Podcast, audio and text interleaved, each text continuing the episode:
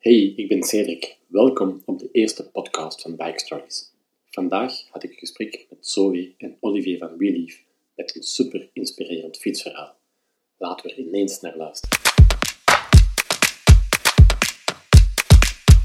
Jullie hebben eigenlijk een ongelooflijk graaf fietsverhaal. En Ja. zelf veel meer dan een fietsverhaal. Het is allemaal begonnen in, eh, in september 2016. En toen zijn jullie samen vertrokken op, op wereldreis. Hoe zijn jullie op dat idee gekomen? Waar is het allemaal begonnen? Stemming hebben. ja, hoe, eh, eigenlijk is, eh, hebben we altijd gezegd we gaan op wereldreis. En, eh, of, tenminste, dat is altijd een beetje een droom geweest. En Euge heeft uiteindelijk gezorgd dat we daadwerkelijk gingen. Want hij heeft dan een agenda, een punt in de agenda gezet van over vier jaar vertrekken we. Mhm. Eigenlijk is die datum steeds meer genaderd zonder dat wij onze plannen concreet hebben gemaakt. En ehm, er was, het was maar twee, drie maanden voordat we daadwerkelijk vertrokken dat we zeiden we gaan op de fiets. Mhm. En dat we ook echt eh, twee tweedehands fietsjes eh, eh, gingen zoeken Ja. en, en vonden op, op Marktplaats. Dat is, hoe heet dat in België? Ja, ja, marktplaats. ja. tweedehands. Ja.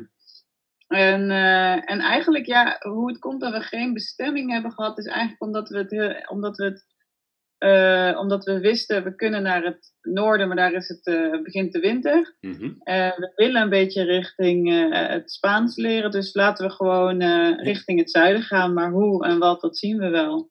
Ja, En ook zeker omdat we niet wisten of we dat fietsen wel leuk vonden, hebben we gewoon gezegd van ja, we kijken wel hoe ver we komen. En eh, dat is pas heel laat geworden, of ja, dat was eigenlijk pas op de dag dat we aan het fietsen waren, dat ik herinner dat iemand eh, riep, waar gaan jullie heen? En toen zei ik, eh, eh, eh, Porto, Portugal. en, eh, en ja, we wisten wel dat we een beetje die richting op Ja. gingen, maar we hadden geen idee wat, hoe onze reis er voor de rest uit zou gaan zien. Meer dan een windrichting was het eigenlijk niet. Nee. Nee, klopt. En ik had, ik had een grote wereldkaart aan de muur, Mhm. de, de jaren voor mijn reis. En daar had ik allemaal toeristische hoogtepunten. Allemaal mooie plekken, mooie natuurwonderen en zo opgehangen. Mhm. Maar hoe dichter de startdatum van de reis er eigenlijk kwam, hoe meer we realiseerden van, willen we dat eigenlijk wel zien? Willen wij echt toerist uithangen en overal naar die plekken gaan waar het vol is met toeristen? Mhm. En hoe meer we dichterbij kwamen bij de start van de reis, hoe meer we eigenlijk dachten, nou, dat willen we eigenlijk niet. We gaan gewoon vertrekken en we zien wel wat we tegenkomen. Dus dat werd ook meer bewust. We gaan eigenlijk zonder doel. We gaan vertrekken en we zien wel waar de reis ons brengt. Maar dat is ook heel grappig, want op een of andere manier is het ook heel relaxed. Want eh, je hebt daardoor geen verwachtingen. Hè? Je Mhm. moet niks van jezelf. Je moet niet tot daar. Je moet niet eh, precies zoveel kilometer per dag fietsen. En je moet sowieso niet op de fiets. Dus juist doordat zoveel open is, ja, heb je geen verwachtingen en mag eigenlijk alles. Alles kan. Eh, dus als iets niet lukt, nou ja, is het ook oké, want je had het toch niet Ja. vastgepland. Klopt. En als we even teruggaan, hoe oud waren jullie toen? Toen, toen jullie vertrokken? Want jullie hadden al vier jaar het plan. ehm, eh, wanneer ze het beginnen reizen en wanneer zijn jullie eh, dus vertrokken? Hoe oud waren jullie precies?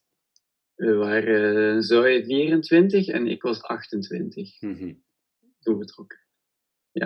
Oké. En het idee, het idee ontstond dus. Ik, Toen we- ik 20 was. ja, ik, ik ging in Rotterdam werken. Mhm. Eh, ik denk, ja, heel kort nadat ik daar werkte, ik, deed een trainee-programma.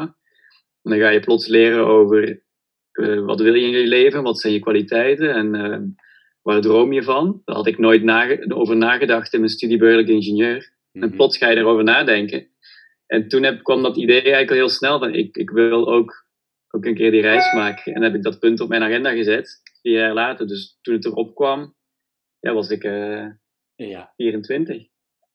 Wel, en heerlijk om eh, op die mentaliteit. Er zijn dan heel veel mensen die net zijn afgestudeerd, inderdaad. En die dan zeggen: Nu begin ik aan mijn carrière. Maar jullie zeiden van: Kijk, ik wil eerst de wereld zien, daar ga ik misschien veel meer uit leren. Ah, Ja, het was ook, ik was in mijn werk, was, eh, natuurlijk begin je ook wel te werken met, een met het idee van een carrière en wat je allemaal wilt. Maar ik had, ik had heel veel oudere collega's waar ik begon te werken. En die waren allemaal redelijk dicht bij pensioen. En eentje daarvan, die vertelde altijd heel erg over zijn pensioen. Van over twee jaar, hij was 63, over twee jaar ga ik dit doen en ga ik dat doen. Hij vertelde allemaal over zijn dromen. En die man die kreeg kanker, die werd ziek. En die overleed het jaar daarna. Zo één jaar voordat hij op pensioen mocht gaan.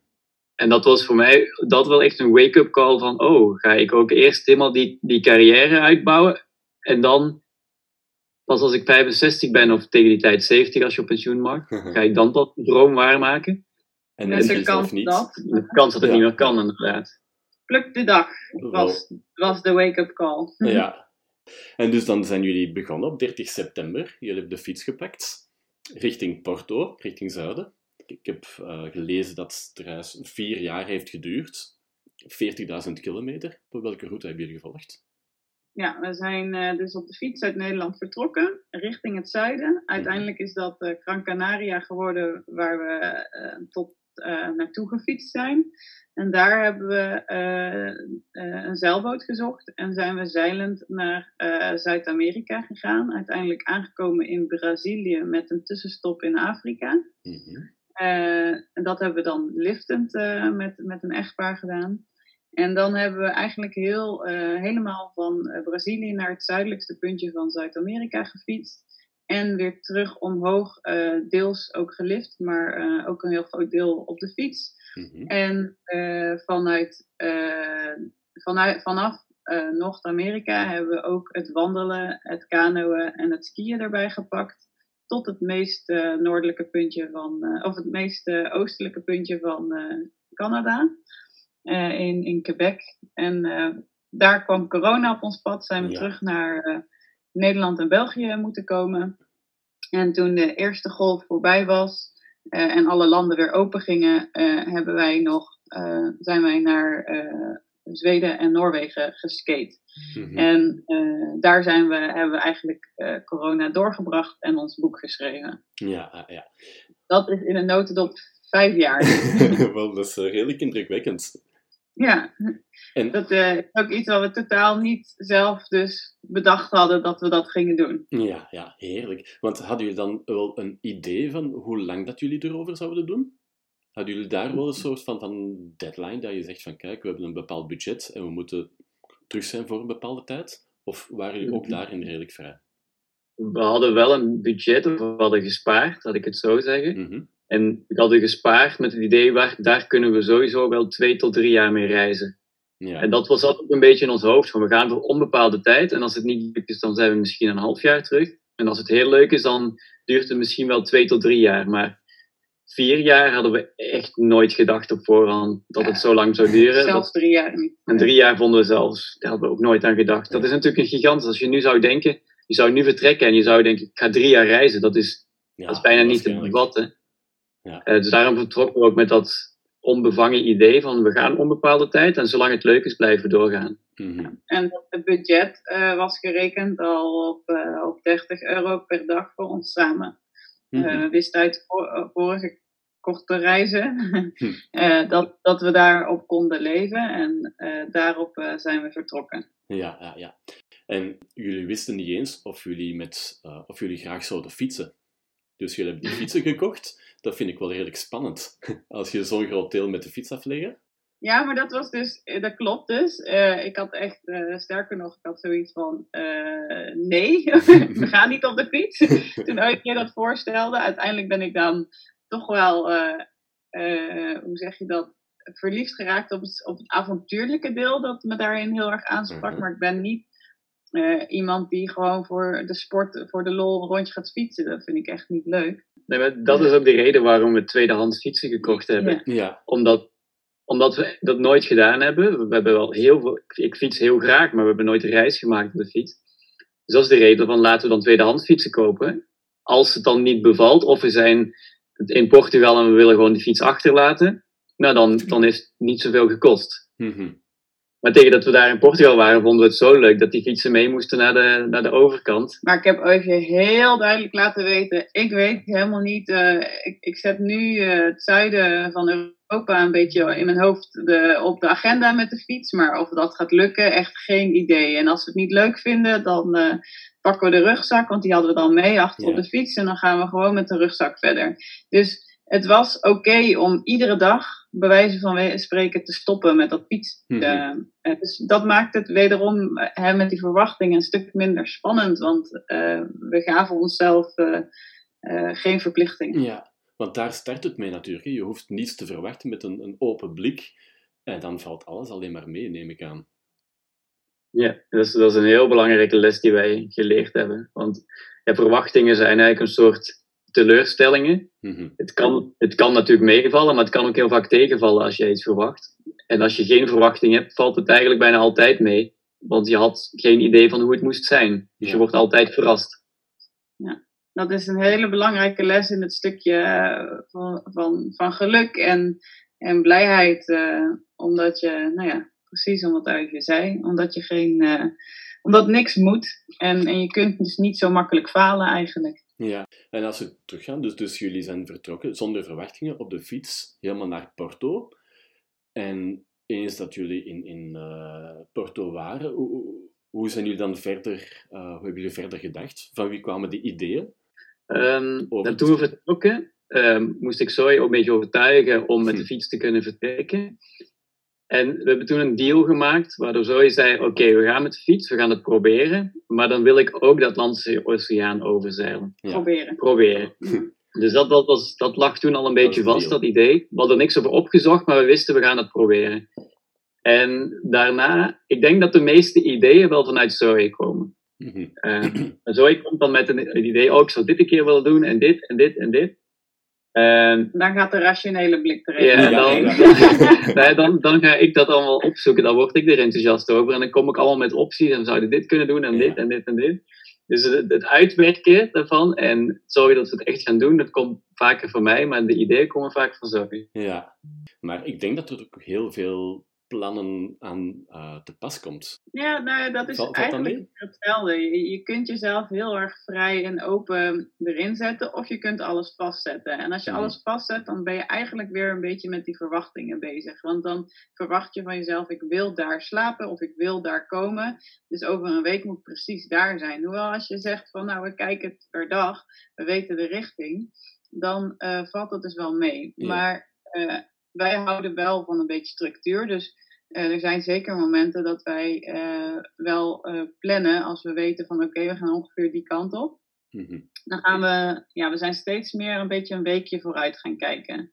Ze weten op lange termijn, in drie maanden zeg maar, weten we welke richting we op willen. En dan per week kijken we een beetje welke route we, we nemen. Ja. En dan administratief, want ik neem aan, als je de oceaan oversteekt, moet je ook administratief in orde zijn. Is dat geen moeilijkheid of valt dat ook allemaal mee? Ehm, dat viel eigenlijk wel reuze mee. Voor Zuid-Amerika zijn visums niet zo spannend, want dan kan je gewoon met je paspoort binnen. Oké. En in Afrika viel dat ook wel mee. Ja, je moet alleen opgenomen worden in het crew, eh, crewbook, of ik weet eigenlijk niet precies, maar dat is eigenlijk ook maar een eenvoudig eh, papierwerk. eh, wat, Eh, wat eigenlijk, eigenlijk viel dat wel mee. Ja. Het is meer voordat je de reis vertrekt, heb je heel veel administratief te regelen. Want je Ja. moet je, moet je verzekeringen moet je wijzigen of opzeggen. En Ja. je huis en abonnementen. En dat is, dat is heel veel geregeld. Maar eigenlijk één keer als je onderweg bent, hang je nauwelijks aan iets vast. En heb je heel weinig zorgen over zulke Mhm. dingen regelen. Dat- Eigenlijk ja. makkelijker dan met een vliegtuig. Ja, het ligt ook wel, ligt er wel aan welke kant je uitgaat. Hoor. Als je naar Azië zou fietsen, dan die landen die hebben overal, daar heb je visums nodig. Ja. Dus dat is iets complexer en dat, daar moet je wel beter voorbereiden. Maar Zuid-Amerika is wat dat betreft heel makkelijk. Je mag in al die landen gewoon binnen met, met je paspoort. Alleen de Verenigde Staten, Ja. eh, daar hebben we wel een interview moeten doen bij een ambassade. Mhm. Om daar een langer visum aan te vragen, dus de zes maanden mochten blijven. En als jullie op korte termijn denken, van elke avond moet je wel ergens overnachten. Was dat voornamelijk in de tent? Of ehm, hadden jullie een, een netwerk? Of, of hoe, hoe pakten jullie dat aan? Ehm, ja, we, gingen ervan uit dat we bijna iedere avond in de tent sliepen. Maar we gebruikten ook regelmatig het Warm Shower netwerk. Dus het, het soort couchsurfing voor fietsen. Mhm. Dus dat zijn allemaal fietsers over de hele wereld die andere fietsers uitnodigen. En dat heb je ook, ook in Zuid-Amerika, Noord-Amerika. Dat heb je echt overal. Dus dat gebruikten we eh, ook wel regelmatig. Natuurlijk zitten die mensen vaak in de steden. En die vermijden wij. En Ja, nou ja, ja. die- als we dan bij een stad kwamen, dan sliepen we wel eens vaak bij, bij zulke mensen. Ehm, maar meestal sliepen we in de tent of eh, we vroegen bij mensen of we de tent in de tuin mochten zetten. eh, om een veilig plekje te hebben.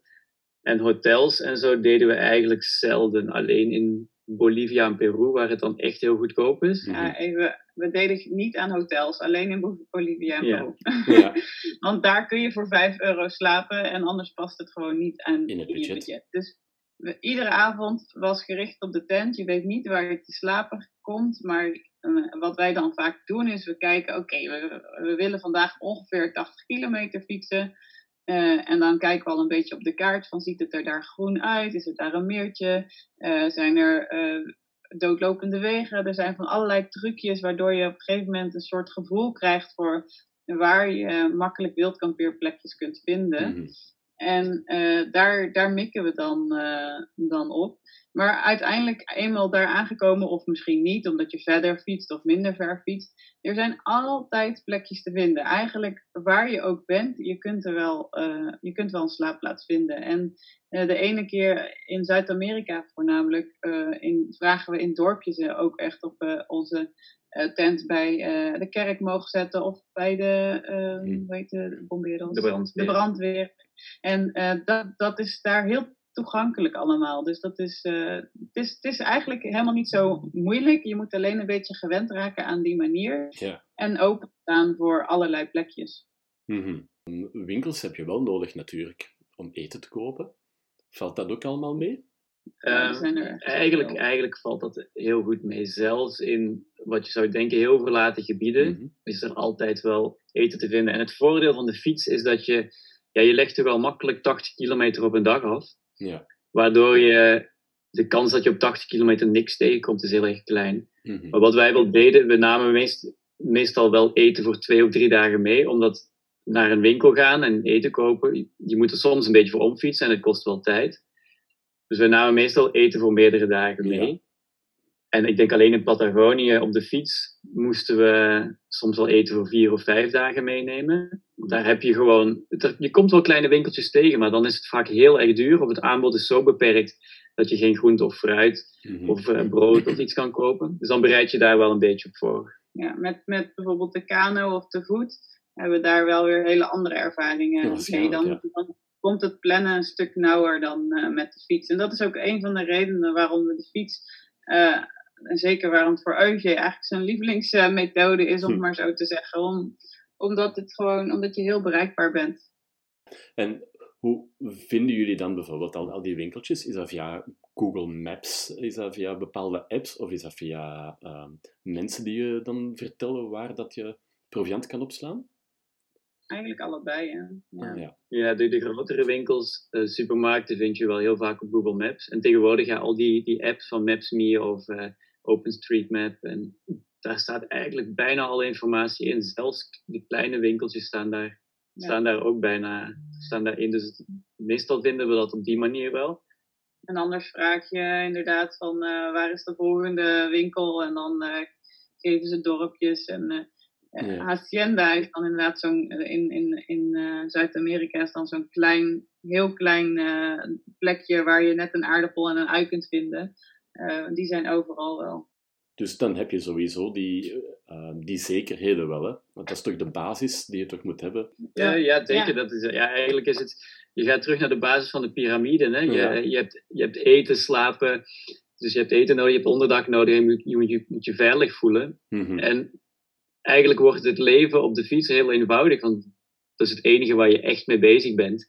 Is dat je iedere dag een plek hebt waar je kan slapen, dat je gegeten hebt en dat je je prettig voelt. Dus het, het is een heel eenvoudig, simpel leven, maar daardoor is het, is het ook heel gemakkelijk en eh, geeft, krijg je heel snel een tevreden gevoel.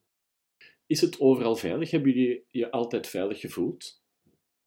Ja, Ik denk op de, hoeveel dagen zijn we onderweg geweest? Meer dan duizend. Mhm. Ik denk dat we van de meer dan duizend misschien dat we één dag ons eh, minder veilig hebben gevoeld. En de 999 anderen of nog meer hebben we ons veilig gevoeld. Ja. ja en je bent, je bent gewoon eh, onderdeel van de mensen. De mensen eh, willen je alleen maar helpen. Eh, het is echt fantastisch. Het is, ehm, een stad in Zuid-Amerika is, daar kun je misschien wat gevaar hebben, maar die kun je ook in Amsterdam of in Antwerpen of. Brussel tegenkomen. Dus ja, het gevaar zit uh, zit helemaal niet zo in mensen. Mensen zijn fantastisch goed. En, uh, en dat hebben we gezien. Want uh, wij, we, zijn, ja, we hebben ons eigenlijk zo ongelooflijk veilig gevoeld.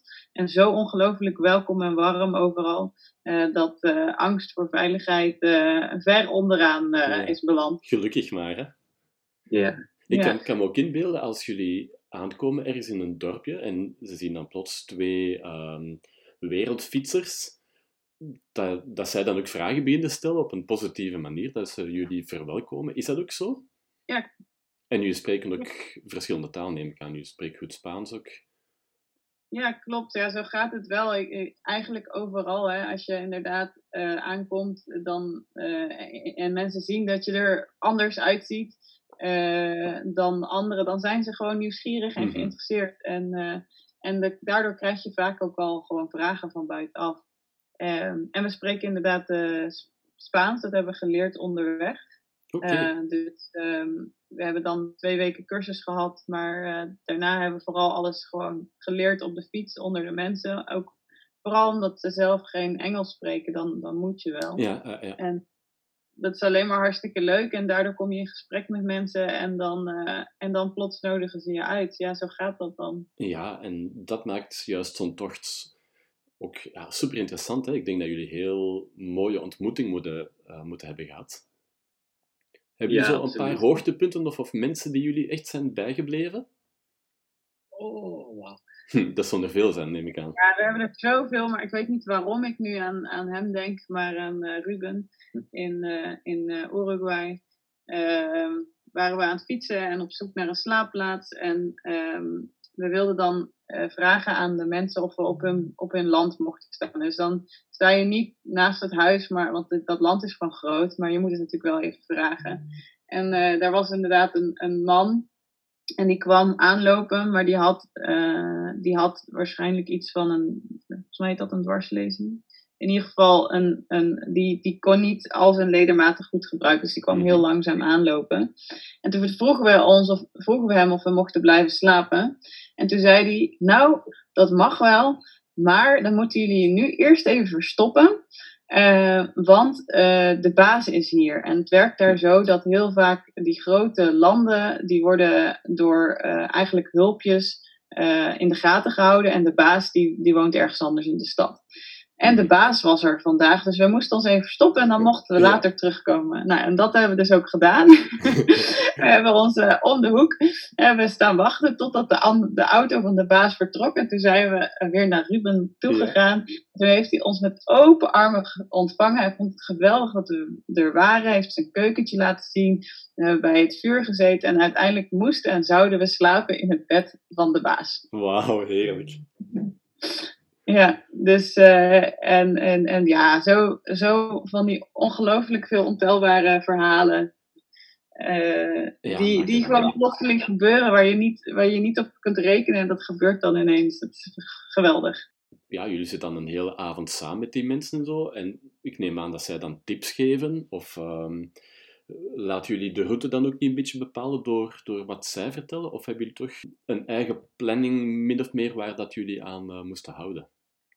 Ehm, ja, dit is, dat is een beetje, dat blijft lastig. Hè. Je, wilt, je hebt in je hoofd al iets zitten en mensen zeggen natuurlijk veel dingen. Dus Maar mensen vragen meestal, Ja. wat, wat, waar komen jullie vandaan en Ja. waar gaan jullie naartoe?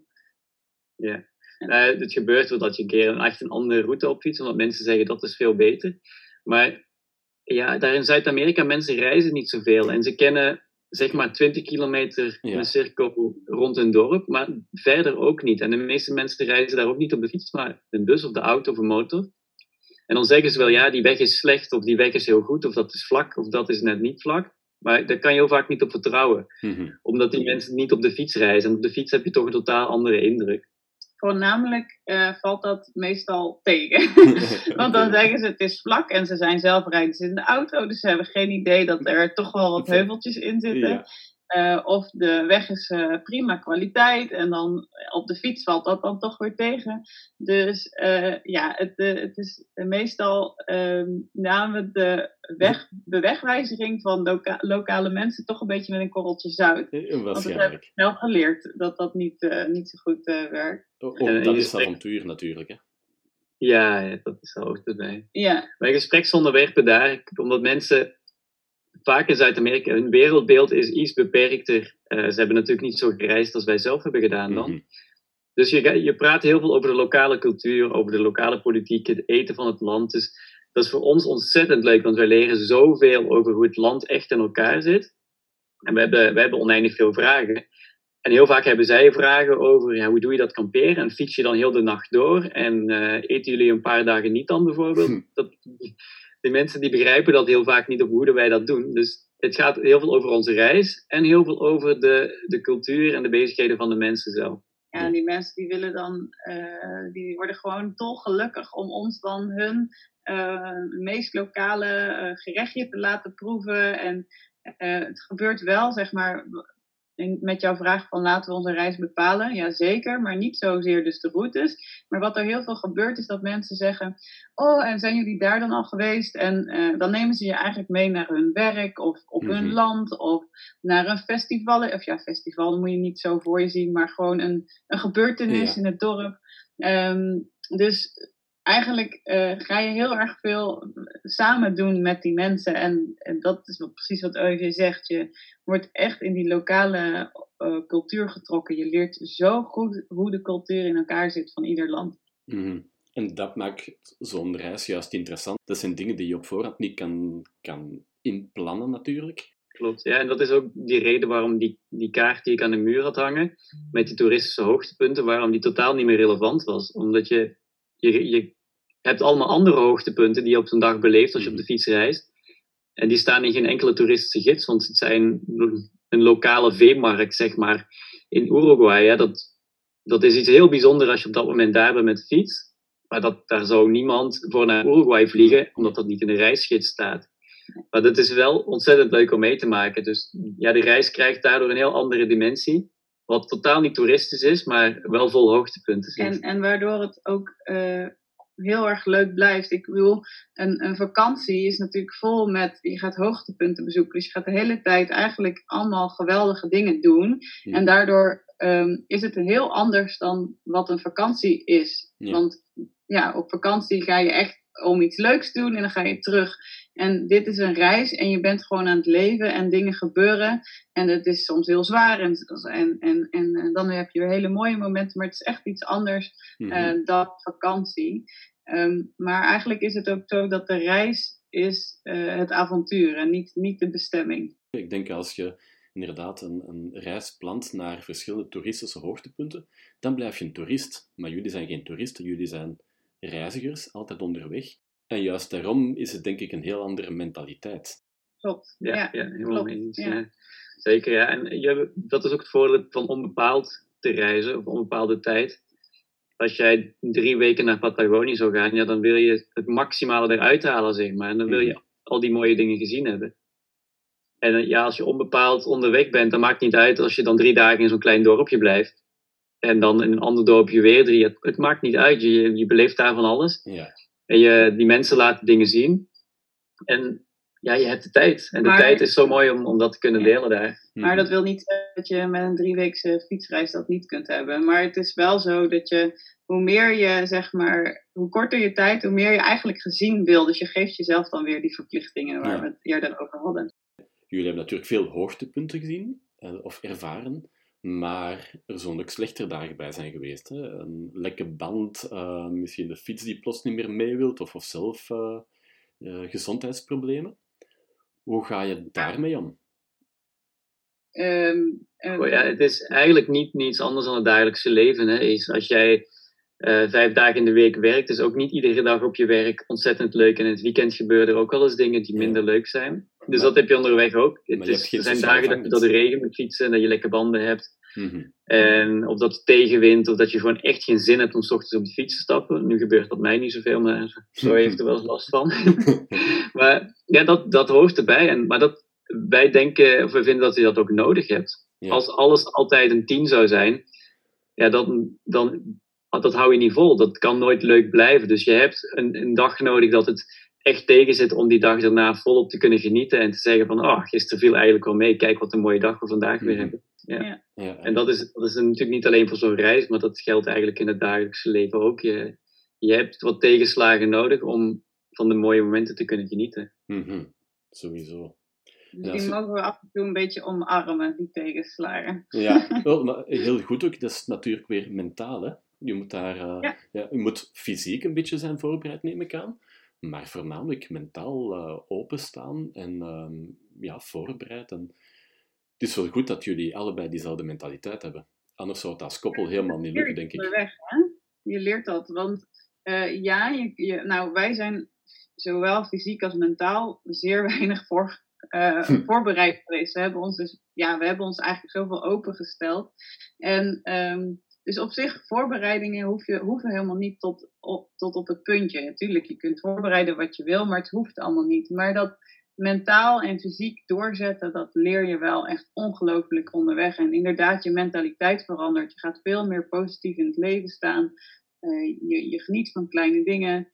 Eh, dus we zijn daar ook samen heel erg in gegroeid. Het is niet zo dat we allebei al geweldig positieve mensen waren die eh, Mhm. Alles aankonden. En nog trouwens niet, maar we zijn er wel heel erg in gegroeid eh, met z'n tweeën. En dat is ook heel leuk dat we dat pad samen hebben gevolgd. En eh, eh, ook elkaar kunnen wijzen als, als we even een van ons een chagrijnige dag heeft van... hé, hey, nou, het valt allemaal wel mee. En ehm, zo, ja, zo, zo heeft het ons heel zeker veranderd. Ja, sowieso. Want ik denk dat de, de Zoe en Olivier, die in eind september zijn vertrokken, 2016, waren heel andere versies dan van de, de mensen die jullie vandaag zijn. Jullie zijn heel wijze mensen geworden, neem ik aan.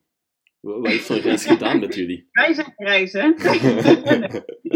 Eh, goh, wij, ja, ehm, in ieder geval een heel stuk gelukkiger en eh, Mhm. heel erg tevreden met wie we zijn en eh, wie we weten wat we willen in ons leven en eh, wat we willen betekenen. En dat voelt in ieder geval voor, voor mezelf wijzer eh, ja, naar mezelf toe. En ehm, eh, ja, zelf, zelf heb je dat niet zo door dat je verandert. Mhm. Maar als je dan terug thuis komt en je ziet je vrienden, eh, dan merk je vooral zelf dat je, je kijkt op de wereld en je kijkt op wat je zelf wilt en belangrijk vindt, dat dat enorm veranderd is ten opzichte van jouw vrienden. En, en dan merk je wel van, oh ja, we zijn wel, we zijn wel veranderd. Ja. En of je dan ook echt als persoon veranderd bent, ja, dat is moeilijk, dat is lastig zelf te beoordelen. Maar er zijn wel, je, je gaat heel erg werken aan eh, mooie kwaliteiten. En, eh, of ja, werken, dat gebeurt dus vanzelf. Hè? Dus die Mhm. mentaliteit, eh, positief, eh, die verandert. Maar voor mij zijn bijvoorbeeld stukjes zoals eh, jaloezie, jaloezie en egoïsme. Dat zijn geen mooie eigenschappen om te Mhm. hebben. Maar die had ik wel. En die heb ik nu veel meer, kan ik die, ja, beheersen of zo. En weet ik daarmee om te gaan. Ik accepteer ze ook, dat het gewoon, dat dat ergens een beetje in mij zit. En ehm, En, dat, en- dat krijg je er wel voor terug. Dus je blijft denk ik van binnen wel diezelfde, eh, diezelfde persoon. Maar je, je, je krijgt een nieuwe kijk Ja. vooral. en waar, ligt, eh, waar ligt de sleutel juist? Dus hoe komt het? Heeft het te maken door ehm, ja, in aanraking te zijn gekomen met zoveel verschillende culturen bijvoorbeeld? Dat je meer gaat relativeren, dat je zegt van ik ben ook maar een mens? Ja, ik, ik denk, je, je wordt, doordat je op deze manier reist, zijn heel veel dingen zijn nieuw iedere dag. Mhm. Dus je komt, al, je komt in zoveel ontzettend nieuwe situaties en nieuwe omstandigheden waaraan je je moet aanpassen en ehm, aan, aan jezelf, aan anderen, aan elkaar. Waardoor je verplicht wordt te leren en ook jezelf tegenkomt en, en, en dingen gaat leren. Mhm. En daardoor verander je heel sterk als persoon. Als jij, we merken dat nu, nu we een tijdje thuis zijn. Hier is ja, je leven dat je kent, je routine ontwikkel je heel snel. En je wordt toch vaak minder geprikkeld om, om dingen te veranderen. Terwijl als je op reis bent, word je iedere dag geprikkeld om, om weer een nieuwe situatie aan te kunnen gaan. Dat kan positief, negatief zijn, die situatie. Maar je- daardoor leer je enorm veel eh, over wat je wil en keuzes die je wil maken. En wat je zelf belangrijk vindt. Mhm.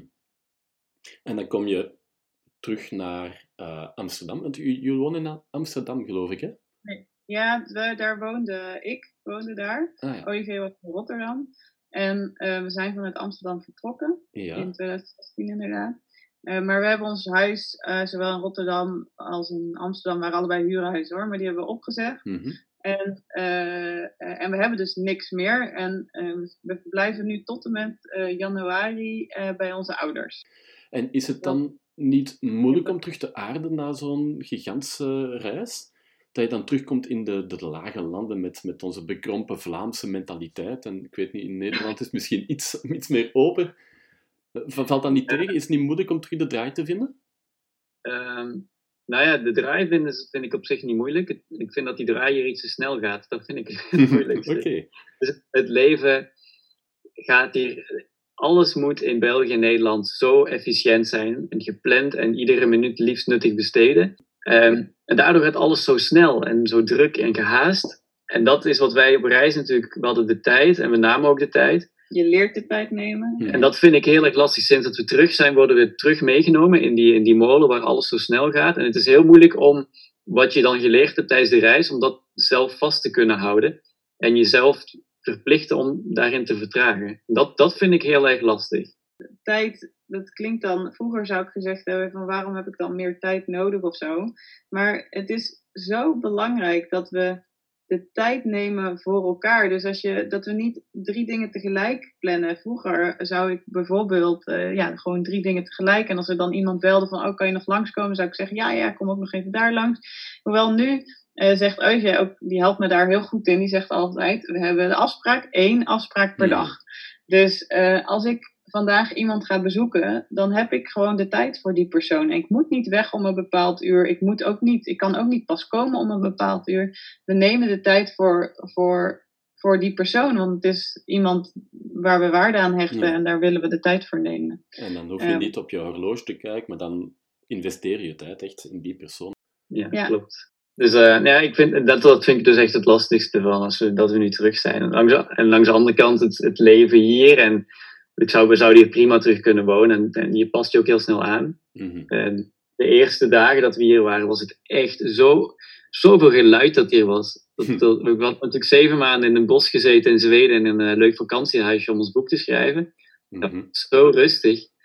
Ja, dan kom je hier en zoveel auto's en mensen en vliegtuigen die overkomen en trams. En, Ja. Oh, die, ongelooflijk die drukte, dat, dat moesten we ook al even aan wennen. Maar uh, na een week uh, is, dat, is dat alweer normaal eigenlijk. Ja, ja. En, en ik pak nog even graag terug op de bekrompen Belgen. Mhm. Want uh, ik vroeger had soms inderdaad wat moeite met, met het, het stille, teruggetrokken België ten opzichte van mij als een Hm. outgoing Nederlander die er staat en ik weet niet wat. Mhm. Maar eigenlijk ben ik dus eh, door mijn reis heel erg en dan echt heel erg gaan waarderen eh, wat voor personen Belgen zijn.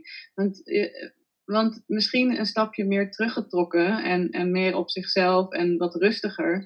Ehm, maar heel veel meer respect en ehm, eh, hoe, hoe, ik zoek nou even het woord, maar het, een hele kleine voorbeeldjes als dat als je in Nederland een weg wilt oversteken, Mhm. zal er werkelijk geen auto zijn die stopt om jou als voetganger over te laten. Eh, en, en in België is dat wel zo. Het maakt niet uit waar je de weg oversteekt, de Belgen die stoppen. Eh, en wat is het woord? Die zijn gewoon. ehm, ik, ik, Hoffelijk. Hoffelijk, ja, Ja. precies, hoffelijk. En zo zijn er heel veel van die fijne eigenschappen die, die Belgen hebben, die ik ongelooflijk ben gaan waarderen. Waarin juist misschien dat stukje eh, meer tijd en minder ik, ik, ik, zoals Nederlanders toch ook best wel kunnen zijn, eh, in zit. Mhm. Dus eh, helemaal niks eh, mis met die Ja. bekrompen. Oh, dat is, dat, is, dat, is, dat is wel mooi.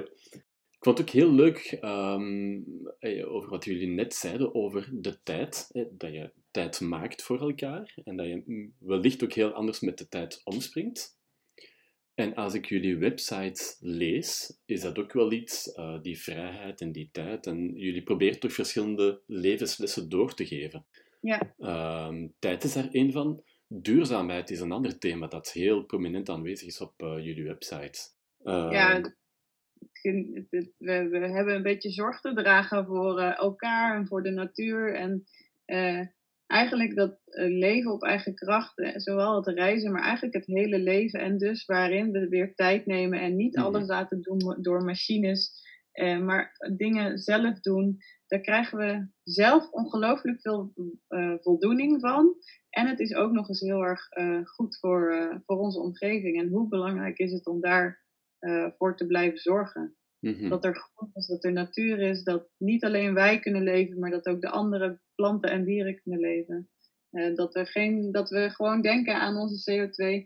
Maar vooral ook dus wat we er zelf allemaal voor terugkrijgen, moeten we echt niet vergeten. Uh, in plaats van in de auto naar je werk of de fiets naar je werk, dan kom je en met energie aan. Je lijkt, het lijkt alsof je helemaal moe en nat en vies bent. Maar eigenlijk krijg je er heel veel energie voor uh, terug. Je hebt tijd gehad om, om dingen te verwerken, na te denken. Je bent buiten geweest, je hebt zuurstof gekregen. Uh, en je bent goed voor het milieu geweest. Nou, ja, en het is ook nog goedkoper. absoluut. dus, en dat is wat we heel graag inderdaad willen, willen overdragen. Die, die, dat hele stukje samen uh, van dingen zelf doen, duurzaamheid, Um, en was het al een thema voor jullie vertrokken? Of hebben jullie gezien, door, door alles wat jullie hebben beleefd en, en ook uh, gezien, is duurzaamheid belangrijker geworden tijdens de tocht zelf? Nee, eigenlijk niet. We zijn allebei heel erg actief en uh, actieve personen die graag buiten zijn. En, uh, en altijd al het belangrijk hebben gevonden dat, dat we niet, niet afval maken. Mm -hmm. Maar we zijn vertrokken met het idee gewoon onze reis te gaan maken zoals we wilden. En we hadden nog geen idee in het begin dat, dat we dat dus op al die verschillende reismethodes gingen doen. Maar we wilden in ieder geval niet een, een grote vervuilende. Dat, dat past gewoon niet bij wie we zijn. Maar het is niet dat dat een hard project was, maar het is gewoon niet wie we zijn. Mhm. Maar het is, het is ook tijdens de reis zie je ook dingen waardoor dat beeld wel heel erg versterkt wordt, waarom je dat wil. Want wat we in, in, België en Nederland, we zien het nu op, vaak op televisie, zie je van, oh, daar een klimaatramp of daar dit. Maar als je dan reist en je komt dan in gebieden waar de avocado's geteeld worden, en je ziet gewoon wat een enorme waterverspilling verspilling het bijna is. En de boeren en de mensen die daar rond wonen hebben gewoon geen water meer, omdat die grote boerderijen die al die plantages hebben, al het water gebruiken. Of je ziet de mijnbouw in Peru of de mijnbouw op de zoutvlaktes in Bolivia, of de kap van de regenwouden in Zuid-Amerika. Je ervaart het plots wel allemaal met je eigen ogen. Mhm. En je gaat dan echt beter begrijpen wat er daar ook gebeurt en wat voor impact dat heeft op de lokale mensen. En daardoor ga je nog veel bewuster wel die keuzes maken voor jezelf. Dus ook bewust dat we tijdens de reis ook vegetariër zijn geworden. Okay. Uh, omdat we dat ook wel gezien hebben. Als je daar de, de, de veehandel ziet in Argentinië, met alle biefstukken die onze kant uitkomen. Ik ben geen vegetariër, want dat wil ik niet zeggen. Maar ik, we eten echt heel, heel weinig vlees. Maar, ik ben als je dat allemaal met je eigen ogen ziet, dan ga je, er wel, uh, ga je wel je keuzes aanpassen. Ja. Het is inderdaad, als je het op tv ziet, denk je, oh erg. En dan uh, misschien dat, je, Ja, dat, dat is ver weg. En dan ga je misschien een beetje uh, aanpassen. Maar als je dat met je eigen ogen gezien hebt, dat blijft toch veel langer hangen. Zeker als je dan de impact ziet op de lokale bevolking ja, je spreekt gewoon met geitenboeren die, uh, als je die ziet leven, die hebben niks meer dan een tafel en een kast en hun water zit in een uh, ton uh, die ze moeten bijvullen. En, en die moet dan met zijn geitjes hoog de bergen in om te zorgen dat daar nog gras is waar ze dus en hun voedsel en hun drinken uithalen, die geiten. Um, maar dat dat eigenlijk steeds meer onmogelijk is en dat, dat hij dan gewoon eigenlijk bijna geen bestaan meer heeft. Mm Zo'n zo man op de steppen. Ja, ongelooflijk. Dat, dat heeft zeker wel impact. Ja, ongetwijfeld. En iedereen die je spreekt ook, hè. Echt iedereen die je spreekt zegt dat het klimaat is veranderd.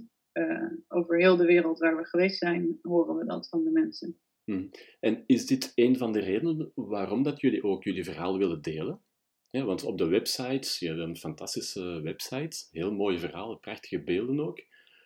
Maar je voelt ook wel dat jullie die wijsheid of die kennis die jullie hebben opgedaan willen delen. Is het ook om andere mensen een beetje te, ja, te instrueren of, of zelf uh, te beïnvloeden?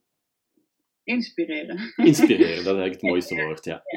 Ja, um, ja, ja, wat wij altijd gezegd hebben, hoe we ook vertrokken zijn, is we willen heel graag het positieve van de wereld laten zien. Het nieuws doet namelijk al het negatieve. Dus laten wij gaan laten zien wat het positieve is. En we willen de positieve verhalen delen. En eh, ook de positieve kant belichten. Want niet alles is positief, maar je kunt heel veel dingen wel goed door, door zelf te veranderen of, uh, of door je aan te passen, kun je iets heel positief zien.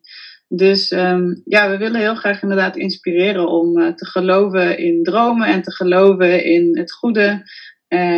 en te geloven dat we verandering kunnen aanbrengen voor een groenere wereld.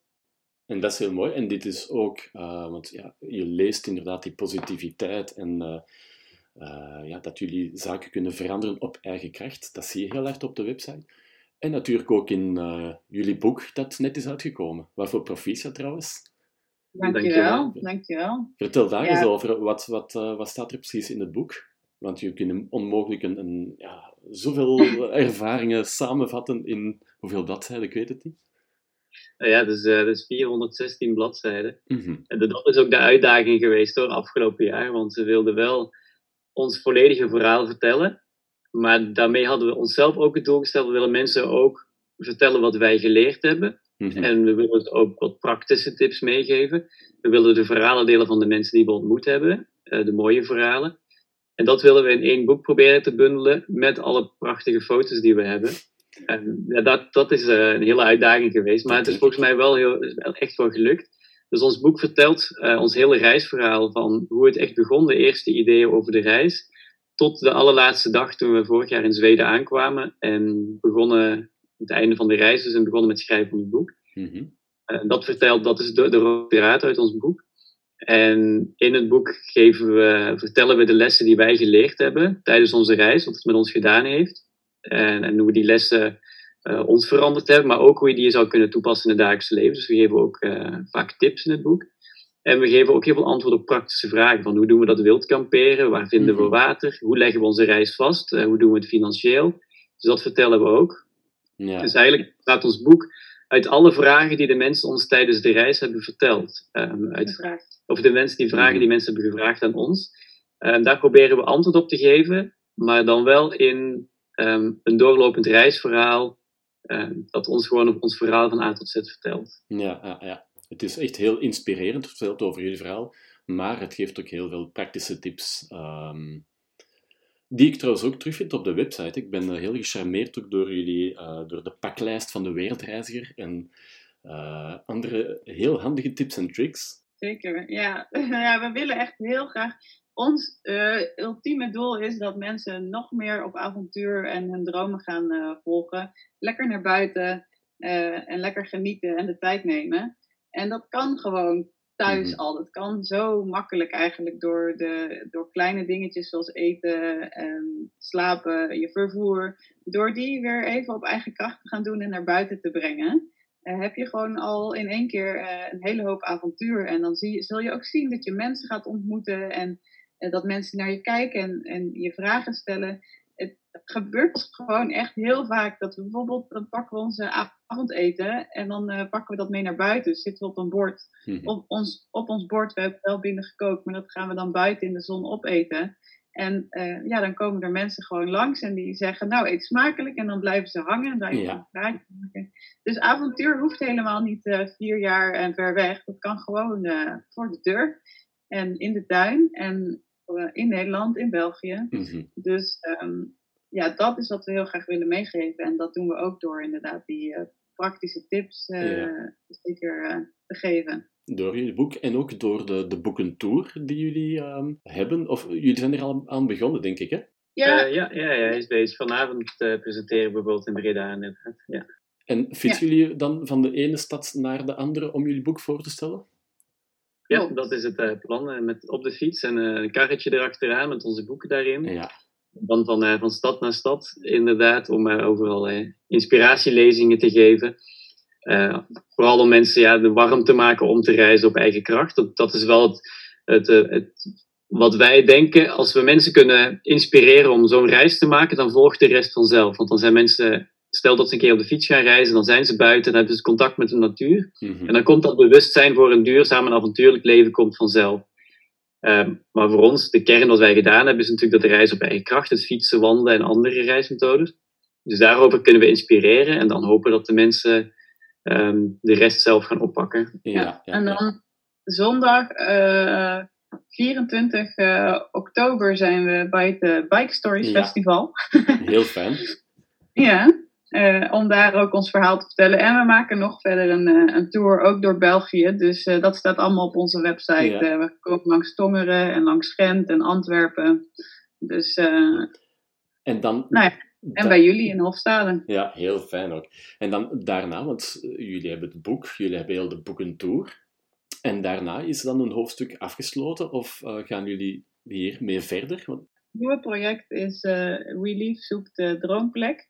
En eh, wij gaan eh, op, eh, op onze fiets in de winter naar Scandinavië. Mhm. En we gaan daar kijken of het mogelijk is om avontuur en het werk met elkaar te combineren.